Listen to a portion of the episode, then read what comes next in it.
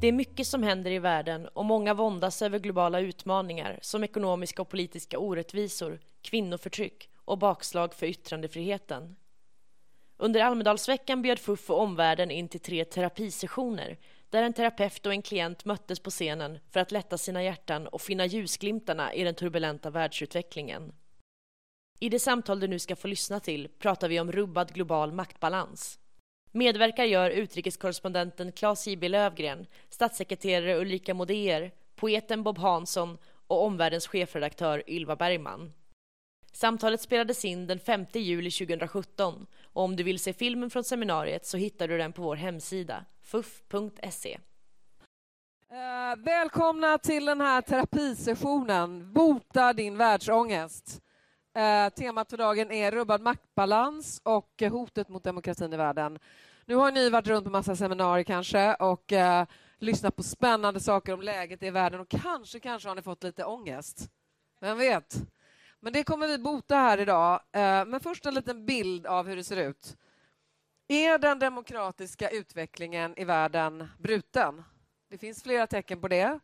Freedom House har ju noterat att eh, det är tror jag, tolfte året som demokratin går bakåt. Och eh, partier försvagas, eller förlåt, grundläggande institutioner för, försvagas i existerande demokratier. Och partier med auktoritär ideologi stöds idag av var femte europeisk väljare.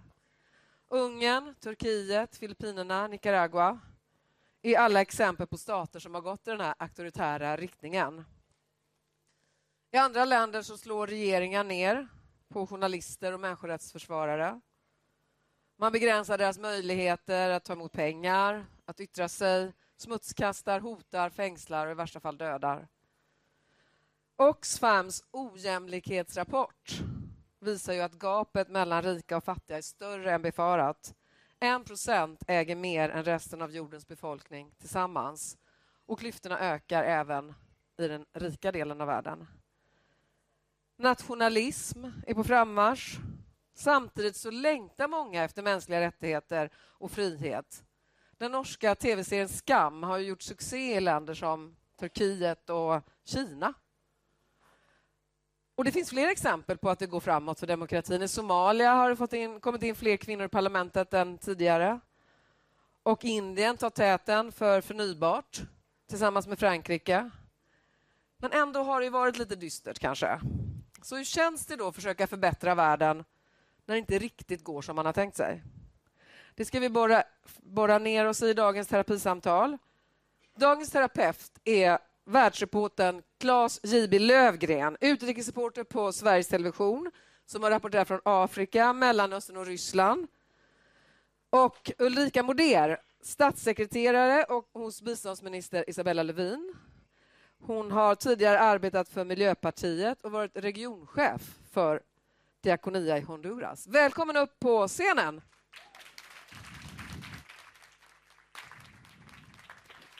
Tack. Ska jag sitta här? Då så, Ulrika. Då får du sätta dig eller lägga dig eller hur du vill anta terapisoffan. Och Claes JB, du ska inta rollen här som terapeut. Jag lämnar scenen till er. Varsågoda. Yeah. Ja, Ulrika, du frågar om jag hade legitimation. Eh, jag, har, eh, jag är legitimerad telegrafist kan jag avslöja. Men eh, det är ju en besvärlig tid vi lever i med flyktingkris, med matkris, klimatkris. Jag måste fråga dig, demokratikris. När Trump vann valet då var det många som blev väldigt chockade hur reagerade du? På samma sätt. Med chock och förvåning eh, inledningsvis.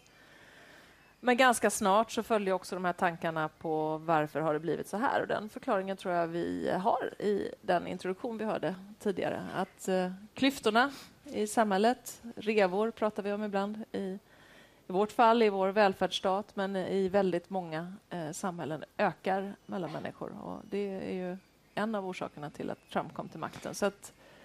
Men jag tänker att eh, du står ju för en politik som ska öka jämlikheten, som ska förbättra miljön. Frågor som alltså, saker som rimligen de som röstar på Trump skulle tjäna på om de genomfördes. Och ändå så röstar de på sådana som Trump, Orban. Blir det inte väldigt nedstämd och nedslagen över att de inte förstår att den politik du står för är bra för dem? Mm. Ja, men jag tänker att, och det sägs ibland att man inte röstar för någonting utan man röstar mot någonting. Uh, att uh, det var ett missnöje som riktades mot den rådande ordningen. Uh, och kanske då en förhoppning om ett, ett starkt ledarskap som ju en del skulle beskriva att Trump har, kan snabbt förändra den här ordningen. Men det som eh, är det största problemet är att många av de här rörelserna och förhoppningarna som människor lägger handlar ju om att titta tillbaks till en svunnen tid. Och då tänker jag att ett av problemen för oss i politiken handlar ju om att kunna beskriva vad vi vill skapa för framtid eh, och hur vi vill att människor ska vara med och vara med och skapa den framtiden. Men, men jag menar, det, det går ju sådär då kanske för till exempel Miljöpartiet. Är det så att du ligger vaken på nätterna och grubblar över det här? Att du undrar vad är det som gör att de inte fattar att det jag står för är så mycket bättre än det de röstar på? Alltså, grubblar hinner jag inte riktigt med, känner jag. Jag ligger och läser så underlag för hur vi ska utveckla politiken dagen därpå. Eh, men eh, funderar naturligtvis eh, och eh, tänker att vi behöver bli tydligare med att det finns lösningar på problem. Alltså, den politiska diskussionen är ju väldigt problemorienterad, ganska närsynt, kortsiktig. Eh, och vad vi behöver är ju att diskutera lösningar på problem, helt enkelt. Som, men också beskriva eh, som vad de lösningarna innebär för människor i i det dagliga livet och vilka möjligheter som de erbjuder. Och det är vi då kanske för dåliga på helt enkelt eftersom inte vi får ett tillräckligt stort stöd. Jag tänker att eh, du är ju politiker och, och med i en regering och du har ju mer makt än de flesta människor mm. faktiskt. Mm. Händer det ändå att du känner dig maktlös inför de här starka krafterna som är igång i världen? Att du känner att du ja, saknar inflytande, det inflytande som du skulle vilja ha?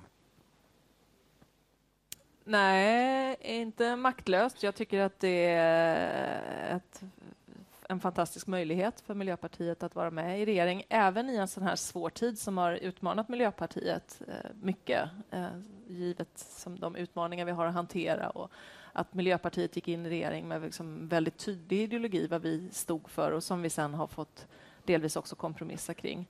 Eh, så jag tycker att det är mycket mer möjligheter än problem, men också ett, naturligtvis ett stort ansvar att ha det här. Men en sak som jag tänker på det är att vi också fokuserar på den här femtedelen som väljer att rösta. Så är det ju även i Sverige när vi tittar på opinionsmätningarna idag. Eh, på ett ledarskap som jag menar då blickar bakåt eller är väldigt närsynt. Men eh, det finns ju då fyra femtedelar som vill någonting annat. Eh, och det eh, hade jag som svar att vi måste också se att det finns otroligt många människor som vill någonting annat. Här i Almedalen är det fullt med människor som vill diskutera lösningar på samhällsproblem och ser möjligheter. Eh, men det finns också många människor som kanske inte är så aktiva eh, men som skulle kunna vara med och bidra eh, om vi hittar formerna för det. Och det är ju kul att tänka på.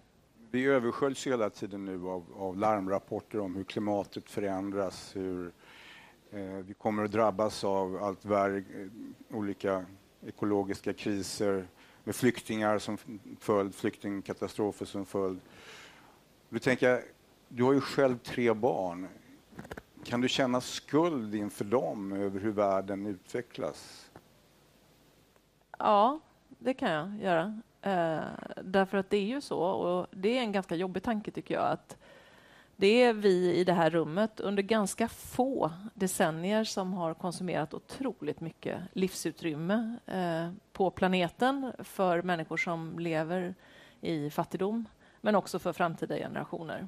Vad gör du eh, med den skulden du känner inför dina barn? Pratar du med dina barn om det? Tänker du mycket på det? Uh, jag tänker rätt mycket på det. Det är nog det som är eh, en av de viktigaste drivkrafterna för att jag har valt att engagera mig tidigare i uh, frivillig uh, organisationer och olika engagemang i civilsamhället och inom Men- ramen för biståndet och nu i politiken. Eh, så visst är det är det. det. Men Ja. vad, vad säger du då till dina barn? Alltså, de kanske, jag vet inte hur gamla de är, hur pass medvetna de är. De är, de är rätt medvetna. 9, 14 och 21. Mm. Kommer de till dig då, ja, den 21-åringen är i princip vuxen då. Mm. Jag menar, det måste jag, med tanke på att de har dig som mamma och, och, och att de har snappat upp det här, antar jag. Kommer de inte att fråga dig, vad ska vi göra mamma, om världen i princip går under? Nah. det gör de inte. Eh, så jag tror att de har egna idéer om det där eh, på olika sätt och vis. Eh, 21-åringen tycker inte att man ska prata så mycket, han tycker mer att man ska göra grejer. Det är liksom hans svar. Han tycker nog att politiken ibland blir lite pratig. Det kan man kanske hålla med om. eller? kan man hålla med om, absolut. eh, så att, nej, men de hittar väl sina vägar, tänker jag. Jag tror att så måste det vara. Men alltså jag tänker där, där, där är det ju lite intressant då, det kanske, nu kanske vi går bort från terapirollen, här. jag vet inte hur mycket terapi det har blivit. Men jag menar, är, är, det här eh, som ni gjorde då i, i eh, UD var det väl, alltså, som en liten kommentar till Trumps eh, beslut om att säga upp Parisavtalet så var det, det var bara män som omgav honom. Så gjorde ni då med bara kvinnor eh, att eh, man bekräftade då Sveriges åtagande i Parisavtalet. Eh, blir inte det väldigt mycket sådär spel för gallerierna, väldigt mycket symbolpolitik, feministisk utrikespolitik? Eh, är, är det, inte- är det inte, jag, tänkte, jag kom på att tänka på det när din 21-åring sa att han vill inte prata så mycket, han vill göra saker. Kan inte du känna det också, att det blir väldigt mycket snack och, och i förhållande till vad man kan uträtta? Alltså det behövs ju både och, tänker jag. Eh, och den där bilden som togs i ett rum när vi då eh, skulle skicka över eh, underlaget för den klimatlag som riksdagen har fattat beslut om. Eh, eh, den togs ju efter att det hade tagits en bild när Trump skrev under ett regelverk som handlade om att begränsa möjligheten att ge stöd till familjeplanering internationellt, vilket kommer att utmana enormt många unga flickor och kvinnor eh, och skapa död eh, och förödelse på många sätt. Så den var ju finfin i den meningen att den kombinerade olika delar av det arbete vi gör. Allt ifrån kvinnors sexuell och rep reproduktiv hälsa och rättigheter till den klimatpolitik som vi bedriver. Och eh, du frågar, är det bara symbolik? Ja. Eh, den bilden visade hur viktigt det är att det finns företrädare, i det här fallet en vice statsminister i ett land som heter Sverige, där Sverige har stått upp för jämställdhet eh, och eh, klimatfrågan under lång tid, som säger att som vi kommer stå fast vid det här åtagandet. Och den bilden kommunicerade ju eh, över hela världen. Jag fick respons ifrån gamla kollegor i Paraguay och jag vet inte varifrån som hade sett den här bilden i lokala Men om vi tidningar. tar en väldigt kon- konkret fråga nu. blir jag lite journalist när jag kommer omkring. Alltså, Du har ingen legitimation, det är det jag säger. nej men alltså, det, det, här måste ju ha bäring också på din mm, psykiska eh, hälsa, höll jag på att säga. Det kom ju en rapport idag från Concord som jag förstår att du har jobbat för tidigare. Jag har suttit med i styrelsen. Och det, där de då kritiserar den regering som du själv jobbar i för det här beslutet att stoppa återföreningen, Familjeåterföreningen. eh, familjeåterföreningen. Mm. Eh, där har ju du som politiker kanske makt, mera makt. Alltså, eller rättare sagt så här, är det någonting som, som får dig att må dåligt över, över att du har varit med om att fatta det här beslutet? Ja. Jag är ju inte formell mening med att fatta beslut, men jag har ju naturligtvis en, en del i det arbete som regeringen gör. Eh, Det här är ju som ett flertal politiska partier som har varit med i de här diskussionerna. Eh, Ja, eh, jag tycker att det är en jättebesvärande punkt. Det är den punkten som UNHCR, den enda punkten egentligen som man faktiskt har kritiserat Sverige för vad gäller då den tillfälliga lagen som diskuterats gör du- mycket. Men jag vill säga, det här är ju ett av de allra vackraste exemplen på hur demokrati fungerar i vårt land. Och apropå att Sverige då kan vara ett exempel och ett föredöme när vi ser hur begränsande lagstiftning sprider sig lite som en löpeld över världen, både i vår del av världen men inte minst också i de länder vi jobbar med biståndet, där civilsamhället inte får möjlighet att organisera sig, att uttrycka sin mening, att ha en kritisk röst i förhållande till regeringen. Eh, och det är ju precis som det ska här. Alltså, man mobiliserar ett engagemang, eh, en syn på vad som är rätt och riktigt och uttrycker det till regeringen. Eh, argumenterar liksom på goda grunder för hur man tycker att regeringen bör agera. Så det är ju någonting som, som jag personligen, men också vi som regering och som land ska vara väldigt stolta över i en tid då mänskliga rättigheter och yttrandefrihet beskärs. Och det är något som jag också säger när jag eh, talar med andra regeringsrepresentanter. Träffar Tanzanias utrikesminister och pratar om begränsande lagstiftning i Tanzania. Då kan jag säga att vi tar del av kritik dagligdags. Och många gånger så är det här idéer som också driver politiken framåt och förändrar politiken. Men jag, jag, tänker så här, alltså det, det, är ju ändå så extremt stora frågor vi pratar om här nu. Det är väldigt existentiella frågor, eller hur? Jag menar, fortsätter medeltemperaturen i världen att öka på det här sättet så har vi av allt att döma väldigt stora förändringar att se fram emot. Mm. Alldeles oavsett om vi nu lyckas hejda då, eh, utsläppen av växthusgaser. Eh, är det så ibland att du faktiskt tvivlar på att vi har en framtid? Ja, alltså klimatfrågan är ju faktiskt den fråga som, som gjorde att jag också kom engagera mig partipolitiskt därför att jag tyckte inte den liksom fick den plats i politiken som, som den förtjänar. Och, och, det har vi ju nu fått kvitto på. Alltså när vi kommer se nu de vetenskapliga rapporterna från IPCC framöver så har det ju gått fortare än vad vi hade trott och, och anat. Men samtidigt så ser vi ju att det kan gå väldigt fort att hitta former för omställning också. Eh, förnybar energi som togs upp är ett sådant exempel. Så bara man bestämmer sig eh, och tar politiskt ledarskap och visar också industri och näringsliv och investerare vad det är som gäller i framtiden så kan ju omställningen gå fortare än vad vi har trott också. Kan du ibland känna sessionen faktiskt. Jag tror Ulrika, du får boka lite fler timmar. Man kan inte bli bokad bara på en Nej, gång. Det är ett långvarigt åtagande. Ja. Man måste committa sig liksom. Ja. Eh, jag skulle bara vilja säga en sak innan vi fortsätter med nästa punkt här. Att Björn Widmark som sitter här, han tar gärna emot era förslag under hashtaggen världsångest. Hur ska vi bota vår världsångest? Vad gör ni på individnivå? Vad tycker ni att de ska svara på för frågor här? 140 tecken. Kom igång med det. Eh, men då kommer vi till nästa punkt i programmet. Han slog igenom med diktsamlingen Heja världen och har sedan dess skrivit flera diktsamlingar och romaner som översatts på flera språk. Och han har fått SR stora Nobelpris och vunnit Poetry Slam två gånger. En? En? Ah! Fake news, helt enkelt. det var dåligt. Uh, han har samarbetat med musiker som Tåström i alla fall, det stämmer va? Ja. Och Olle Ljungström, det stämmer också. Mm. Ola Saro. Och DN skrev en gång det finns ett före och ett efter Bob Hansson i svensk poesi.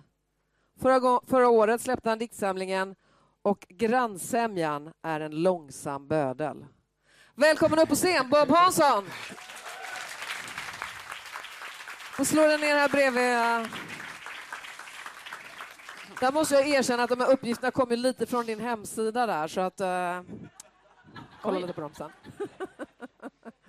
Hur som helst, vad säger du Bob, om du ska recensera här nu lite? Ulrika, tycker du att hon var en bra klient? Patient. Kan man vara en bra patient?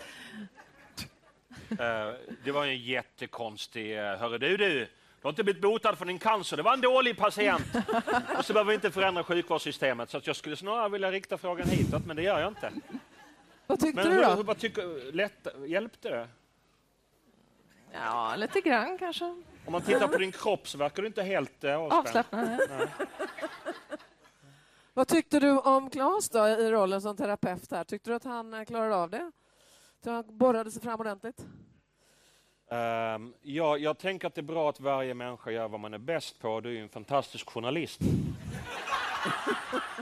och, det var, och, det var, fint. Ulrika. Eller det var inte så fint, och det var, just, det var viktigt kändes det som. Kanske passar bättre som patient. Och journalist, journalist, patient, journalist, patient. Ulrika och Claes, hur kändes det i de här rollerna? Kändes det skönt eller var det jobbigt? Eh, Ska du börja? Ja, nej, men jag tycker det är rätt skönt att reflektera över ja, vad jag gör och tänker och kunde göra. Mm. mm.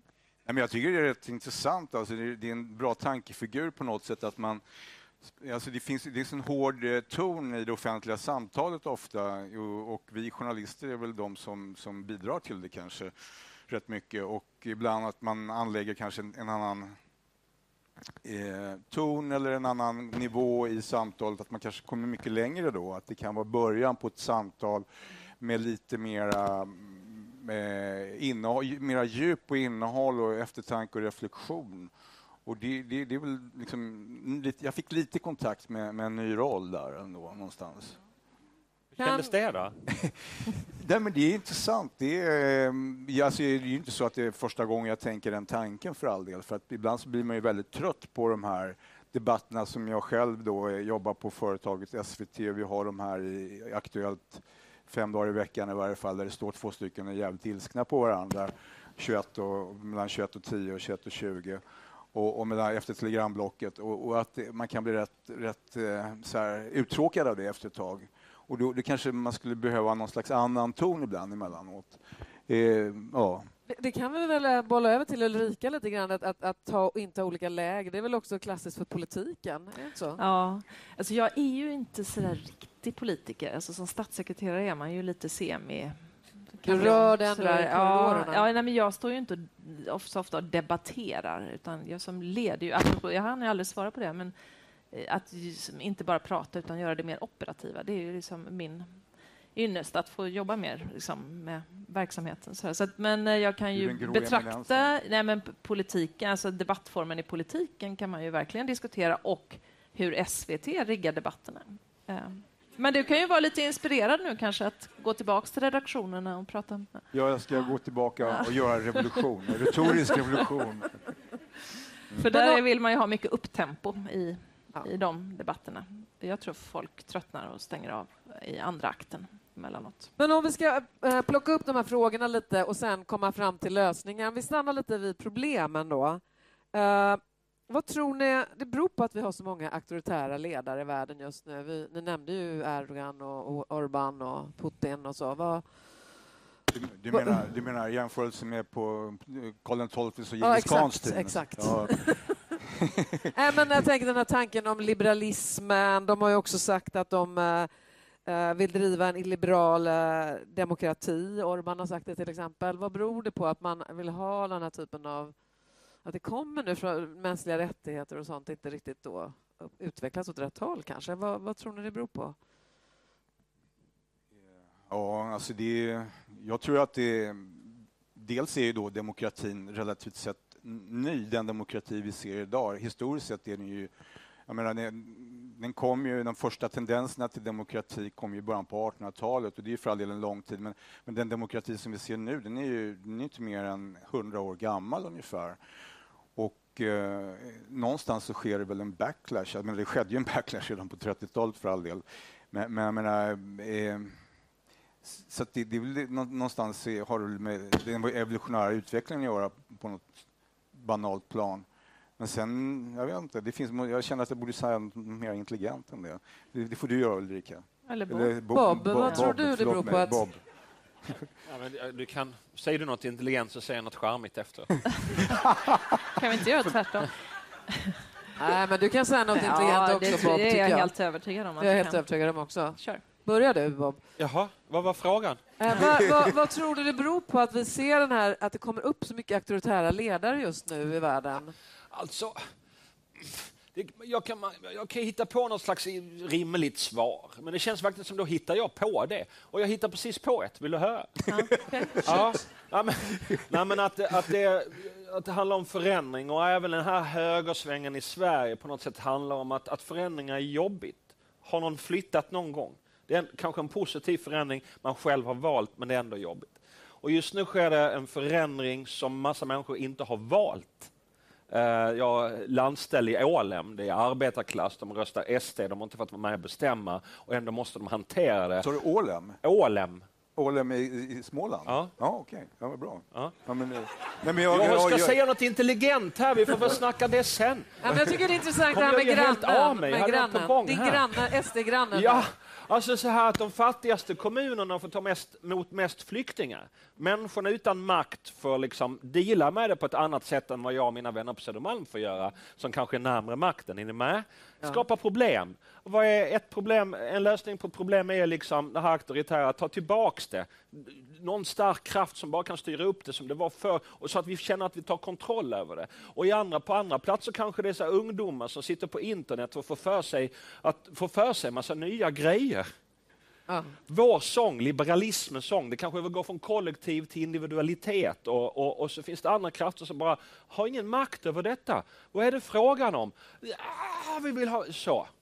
Det är jätteintressant tanke. Det, det är ju liksom lite grann om vi nu är på en terapisoffa här. Det tänker jag så här, en stark fadersfigur. Liksom. Man famlar lite efter någon sån landsfader då kanske som man vill luta sig mot när det blåser, Ja, jag eller? menar, vi har väl haft partiledare i Sverige som också fyller den funktionen mest mer än något annat kanske. Landsfadern är inte ens död här. Vad tror Eller? du Ulrika? Varför växer Jag är upp så glad att du fick prata nu. För Gustav Fridolins kavaj. Ja, Ja. ja. vad ville du säga med den? Nej, jag ska inte. Ja.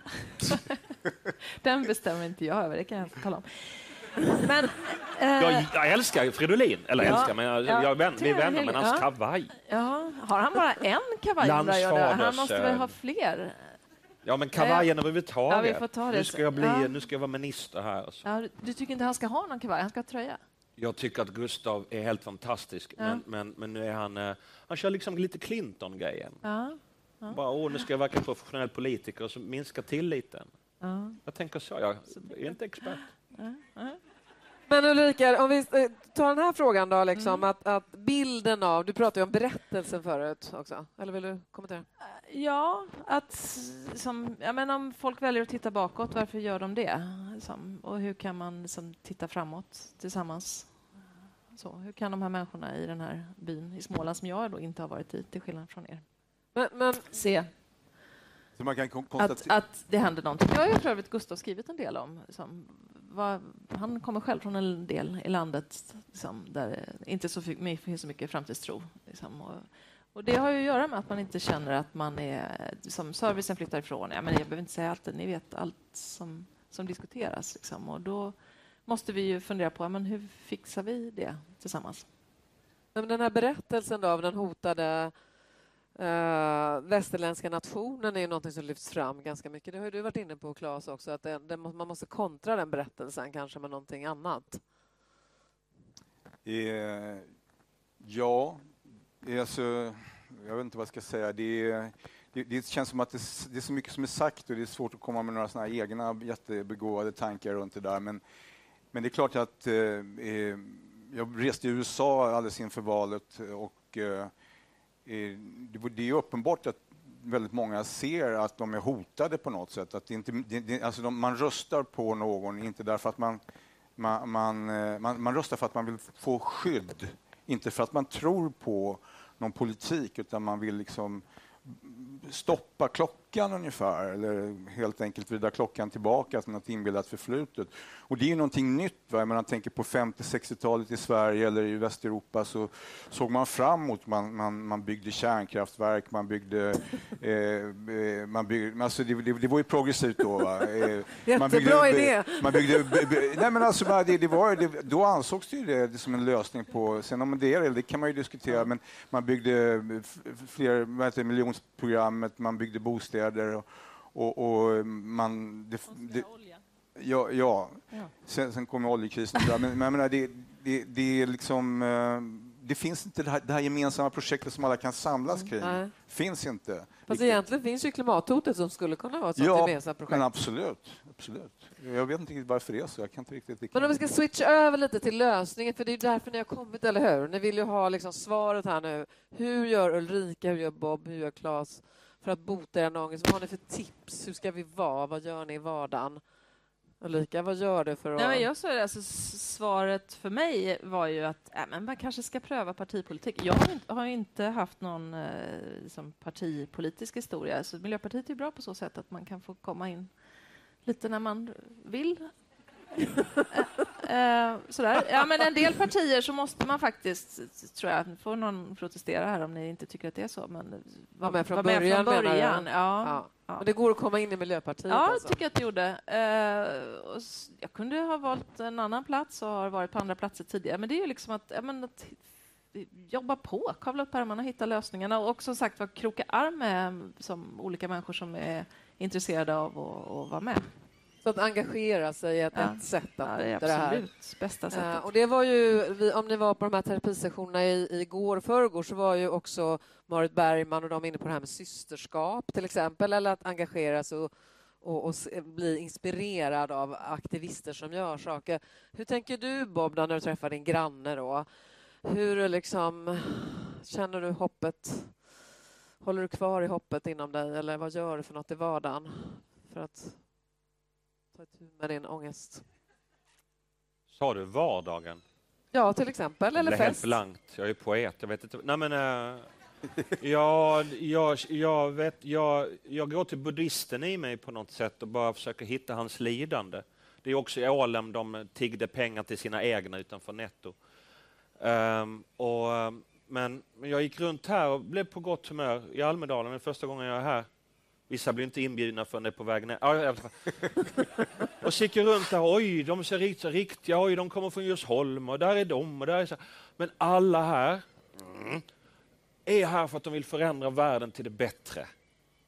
Och så Svenskt Näringsliv. Men de har ju också de krafterna. Vad sa du? Volkswagen är bredvid.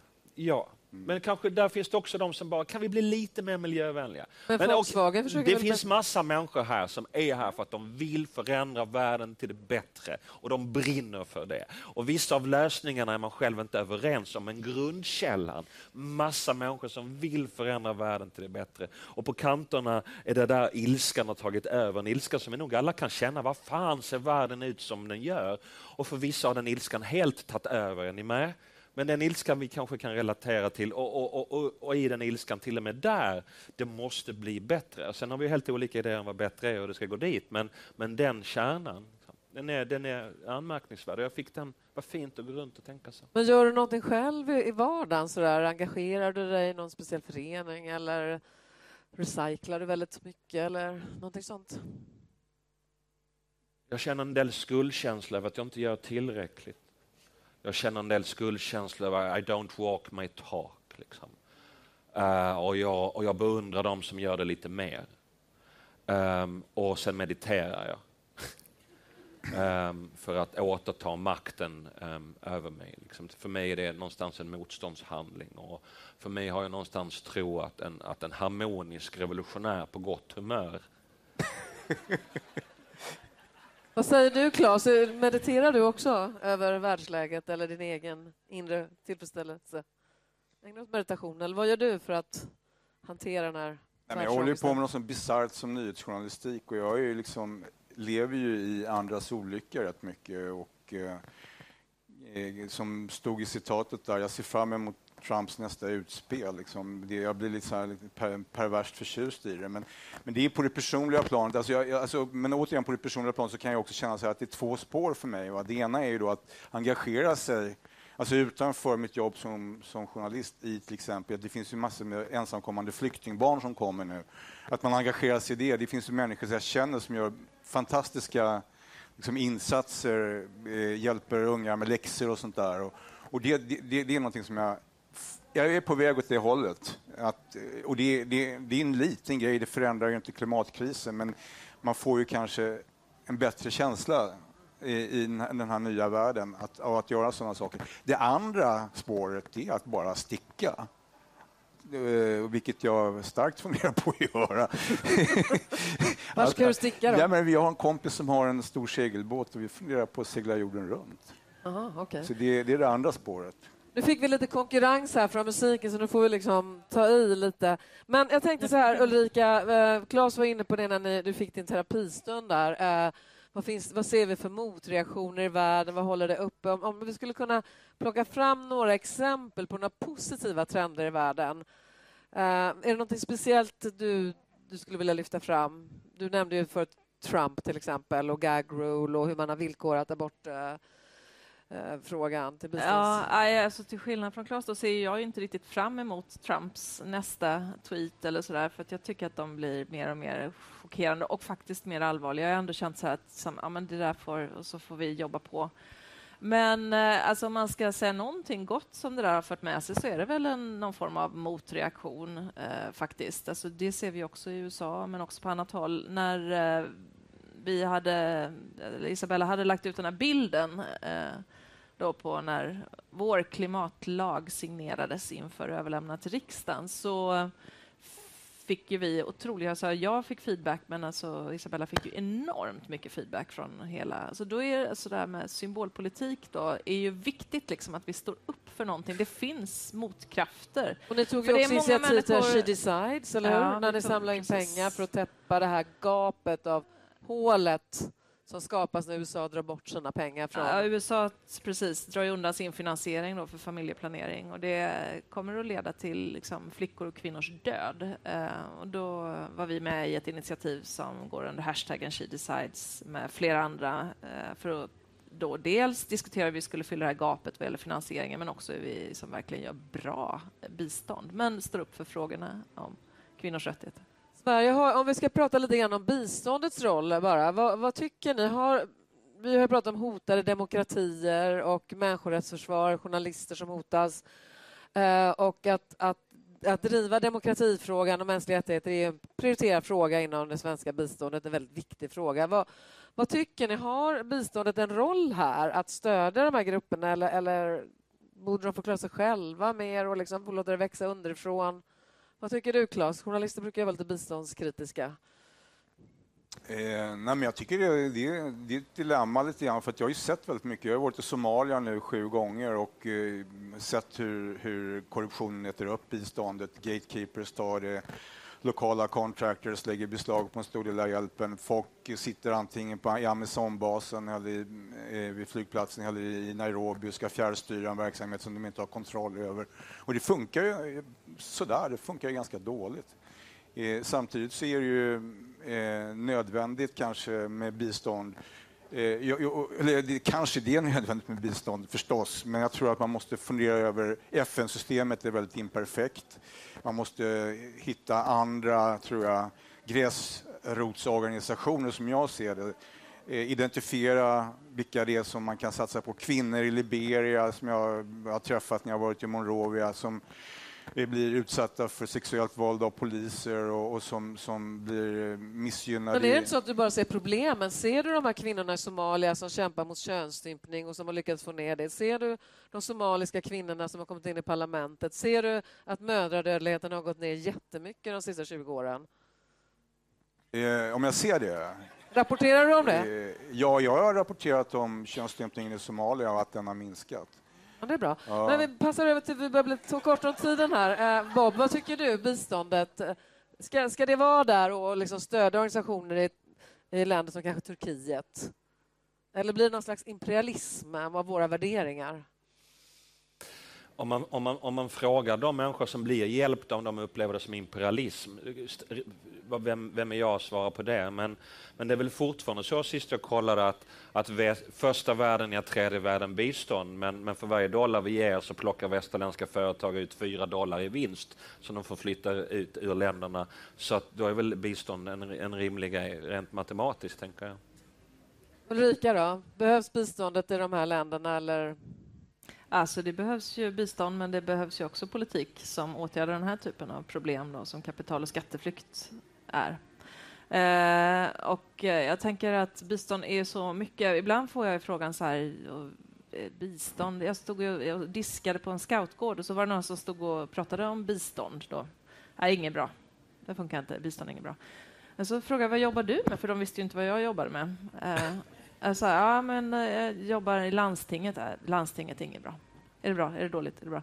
Alltså, det är ju så mycket naturligtvis, som alla andra verksamheter. Det finns bra bistånd, mindre bra bistånd, det finns dåligt bistånd.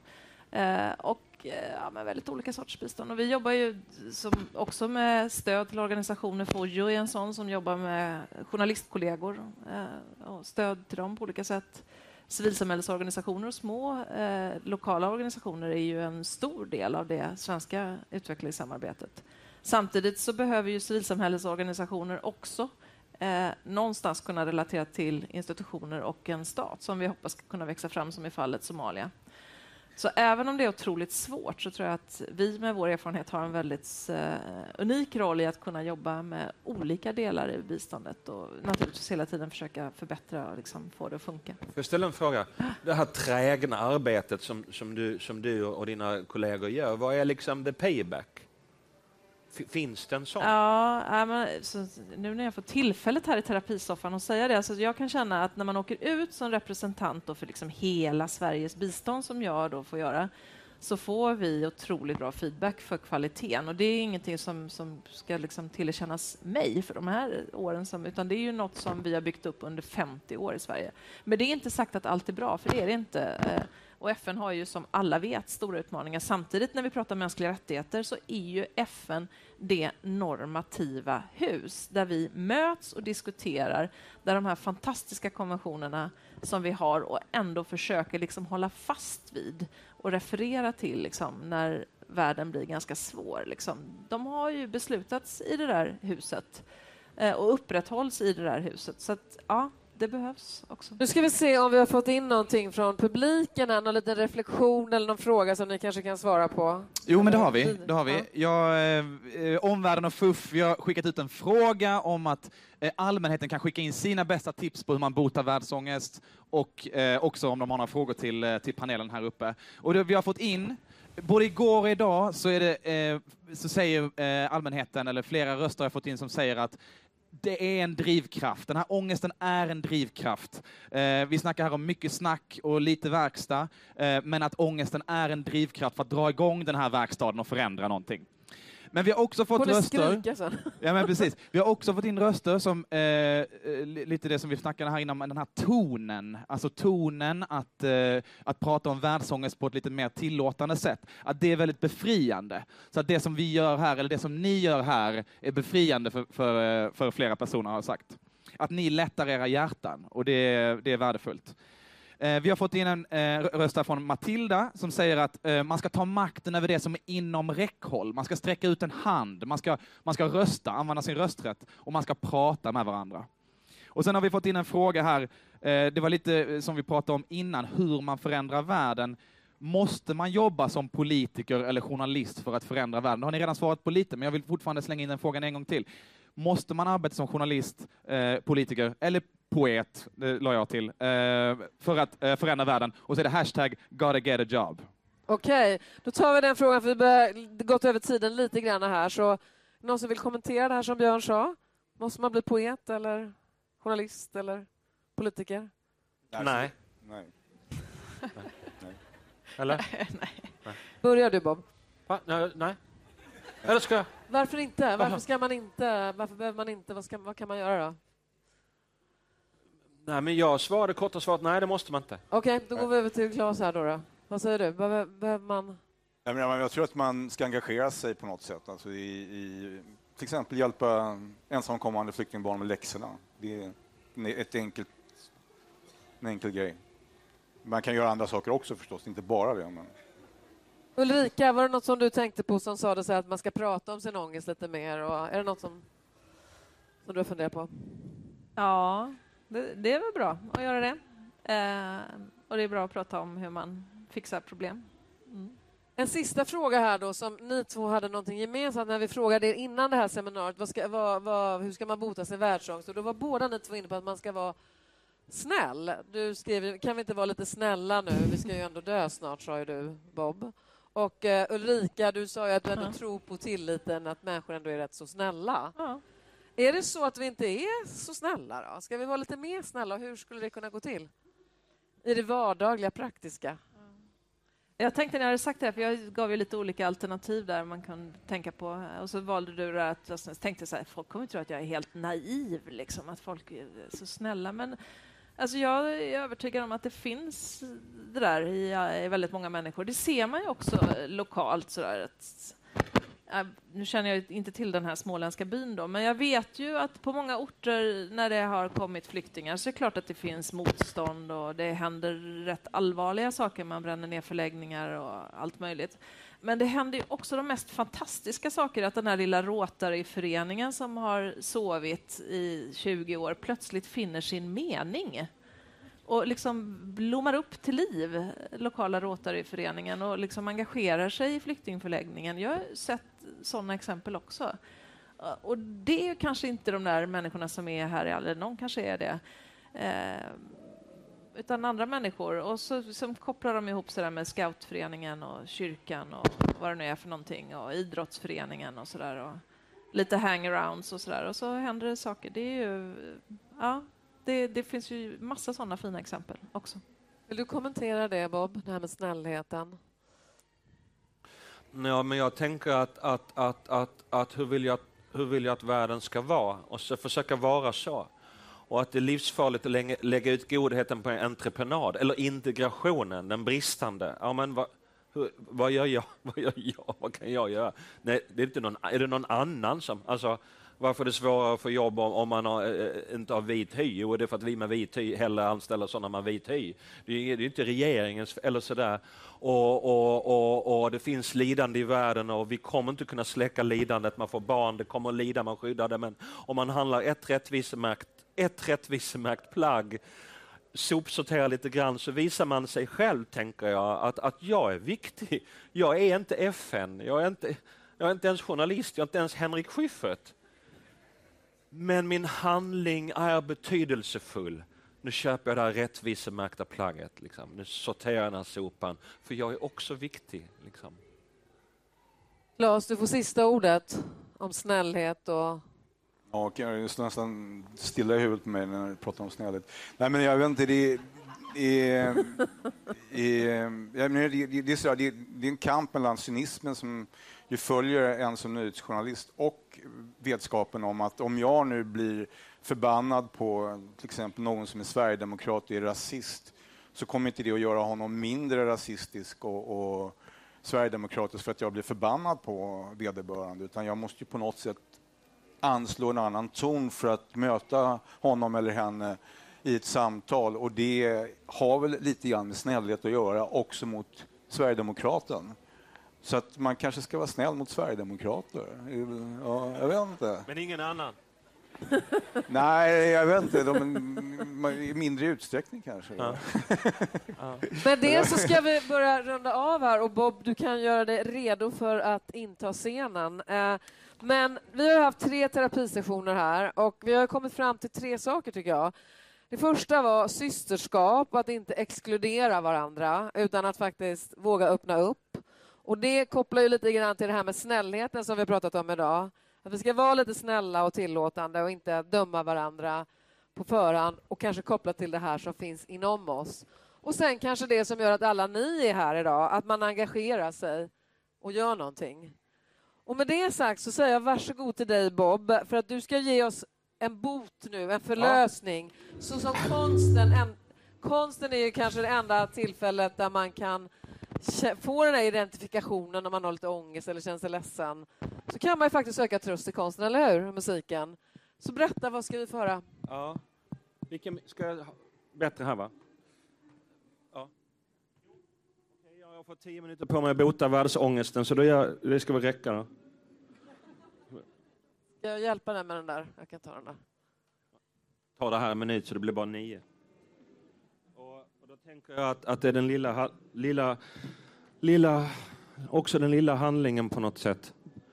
Um, och jag tänker att motsatsen till ångest är, är kanske kärlek, att kärlek är ett stort ord, ännu jobbigare ord än snällhet. Men att det är en väldigt liten händelse. När, du, när ett litet barn ler till dig, vad gör du då? Ja, du ler såklart. Liksom. Och sen är det igång. Så enkelt kan det vara, för då förändras rummet och därmed världen. Och, ehm, och ehm, jag tänker också att, att, att makten är över den här världen, en massa människor som har möten och bestämmer saker. Almedalen finns för att människor satt och drack Loka eller något och hade möte och bestämde någonting. Och hur börjar de här mötena i maktens korridorer eller mellan två älskande människor? Det börjar med ett hej. Och så tänker jag, hur säger vi hej till varandra? Att detta hej på något sätt kanske präglar det som händer efteråt. Hur mycket kärlek, om jag får välja det ordet, eller snällhet, eller icke-ondska, eller icke-snålhet. Hur mycket kärlek lägger vi in i det här hejet? Och jag tror att det har betydelse. Men när jag säger hej till någon av er så tänker inte jag, hur mycket verkar jag gilla dig? Massa, din lugna blick och ändå så fylld av energi. Jag tror jag gillar dig jättemycket, så jag lägger in jättemycket kärlek i mitt hej. Så jobbar inte jag. Jag skriver att man ska göra så, men jag gör inte det, för jag är en skraj jävel som så många andra vill att gärna mer kärlek och godhet i världen, men jag vill att någon annan ska börja. ja. och, och, och, för att jag hälsar på dig, då tänker jag så här, hur mycket verkar du gilla mig? Och så har jag den här gamla betygsskalan i huvudet mellan 1 och 5 och så får jag för mig att du gillar mig på nivå 3. Och då visar inte jag mer kärlek än nivå, nivå 2 för att vara på den säkra sidan eftersom jag är uppväxt i det hyperkapitalistiska samhället där jag har lärt mig att den som visar mest kärlek är typ desperat och får mindre kärlek. Så kanske det inte har varit för er, men så var det för mig i Helsingborg. Så att jag liksom lägger lite band, lite band på mig. Och, och, och tre dagars re- Jag orkar inte gå in på det där, men så läste jag i alla fall om en förebild för mig. Så det blev en förebild, att vi behöver förebilder. De är ofta gubbar, så vi tar en gubbe, tänker jag. Och vi tar en chefsgubbe. Han är chef över miljoner andra och han kallas Dalai Lama. Vet ni vem det är? Han är buddhistchef. Så han är inte representativ överhuvudtaget, men vi tar honom ändå. Det var en, engelsk, en amerikansk journalist som följde honom och upptäckte att när Dalai Lama hälsade på folk så hände det någonting. Ett litet hej eller namaste. Så den andra människan i andra änden bara helt gick från så här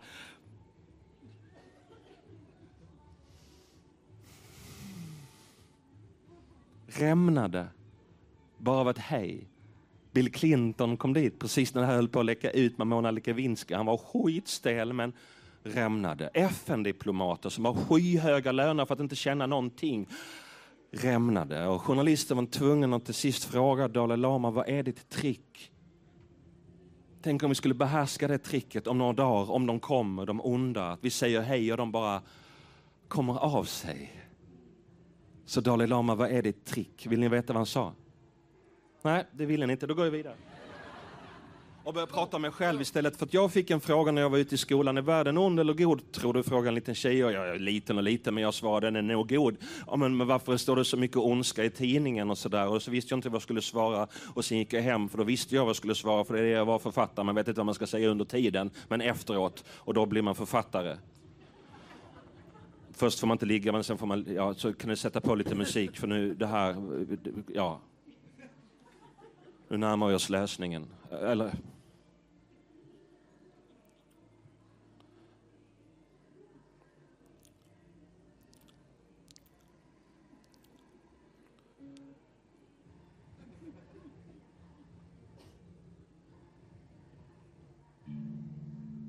Varje dag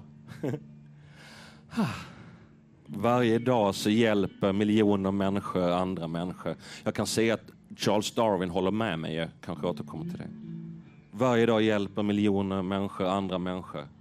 Varje dag blir någon tårögd av tacksamhet. Varje dag arbetar tusen och åter tusen hjälparbetare över hela världen med ett enda uppdrag. Att göra världen lite bättre. Hälla in hjälp till den som hjälp behöver. En enda representant för mänskliga rättigheter får ut Maria Teresa Rivera ur Salvadors fängelse. Befriar henne från ett 40-årigt fängelsestraff som hon har fått för att hon har gjort abort som hon inte har gjort.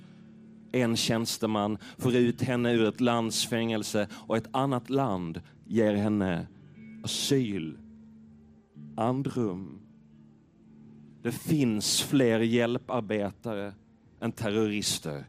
De kommer inte få rubriker så ofta, men ändå gör de skillnad. I verkligheten är det sällan så mörkt som i rapporteringarna om den. Så är det ju. Att vi alltid har föredragit de berättelser som skrämmer oss. Och det är ett aber. För vilken dag som helst i Sverige är det fler människor som lägger ner en peng i romens hand än som knyter sin egen för att slå vilken dag som helst i världen är det fler som ler mot en främlingen som hugger huvudet av den. Bara i Sverige finns det 370 aktiva hjälporganisationer. Ondskan är så ovanlig så att den blir en nyhet. Godheten så väldigt vanlig att den inte blir det. Så tro inte för ett ögonblick att Redaktörens urval är tänkt att skildra verkligheten representativt. Hur många löpsedlar har du läst om, om hur normalt allt är? Hur många av världens prisbelönta journalister har riskerat allt för att gräva fram en fördold godhet? Nej, det kanske inte heller är deras uppgift. Det kanske är ett jobb du själv får göra. Gör det. Ta makten över din blick. I verkligheten så finns det ett helt annat slags lågmält ljus än i berättelsen om det. Om detta må du själv berätta. Ta makten över din blick och ge sen bort den blicken till någon som behöver den, för de behöver den. Idag kommer miljoner människor, kanske miljarder, att göra någonting för någon, någon annan utan någon tanke på ens varför. För det är så vi fungerar också. Ondskan, om den ens finns, är en anomali. Små hajpade skärvor av mörker. Och ibland sätter vi fast de här skärvorna framför våra ögon. Och det måste vi göra, men sen undrar vi också varför vi blir så trötta. Ibland måste vi kanske låta dessa skärvor ligga kvar på marken och ägna oss åt den faktiskt vidare verklighet där den lågmälda, lågmälda godheten går runt på gator i sju världsdelar och 246 länder. Och det troligaste av allt är att en av dessa lågmälda godheter är du. Och så kan ni se er om Titta på varandra. Släpp gubbeblicken. Om ni ser varandra, ser ni någon som kanske vill väl? Kan det vara så? Och Dalai Lama, vill ni veta hans svar nu då? Ja, hur nu ska vi förändra världen. Är ni beredda? Han svarade, vem jag än hälsar på så hälsar jag på precis samma sätt och vis. Jag hälsar som jag hälsar på en gammal god vän som inte jag har träffat på väldigt länge. Varje möte all in. Inte vänta på att någon annan börjar som en feg jävla Bob Hansson, utan han sätter igång själv all in. Så om ni reser er upp nu, och det är ingen metafor utan en order. Om ni reser er upp och så hälsar ni på varandra bredvid som, som om det vore en väldigt gammal god vän som inte ni har träffat på väldigt länge. Och att det som vill väl i er hälsa på det som vill väl i den andra. Och vad händer med energin, mina vänner? Händer det någonting? Ja.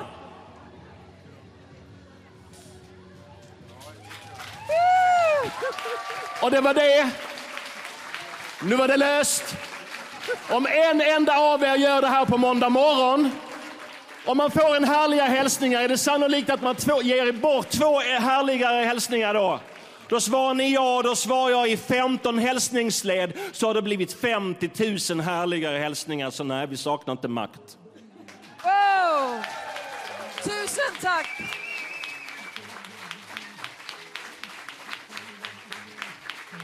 Tusen tack Bob Hansson, Ulrika Moder och Claes J.B. Lövgren. Och gå ut och sprid lite godhet och var snälla mot varandra, era arbetskamrater och alla som inte kan alla förkortningar i biståndsvärlden. Det är okej. Okay. Hej då. Tack för att du lyssnat på FUF-podden. FUF är en förening som sprider information och skapar debatt om globala utvecklingsfrågor. Mer information om vår verksamhet hittar du på fuf.se.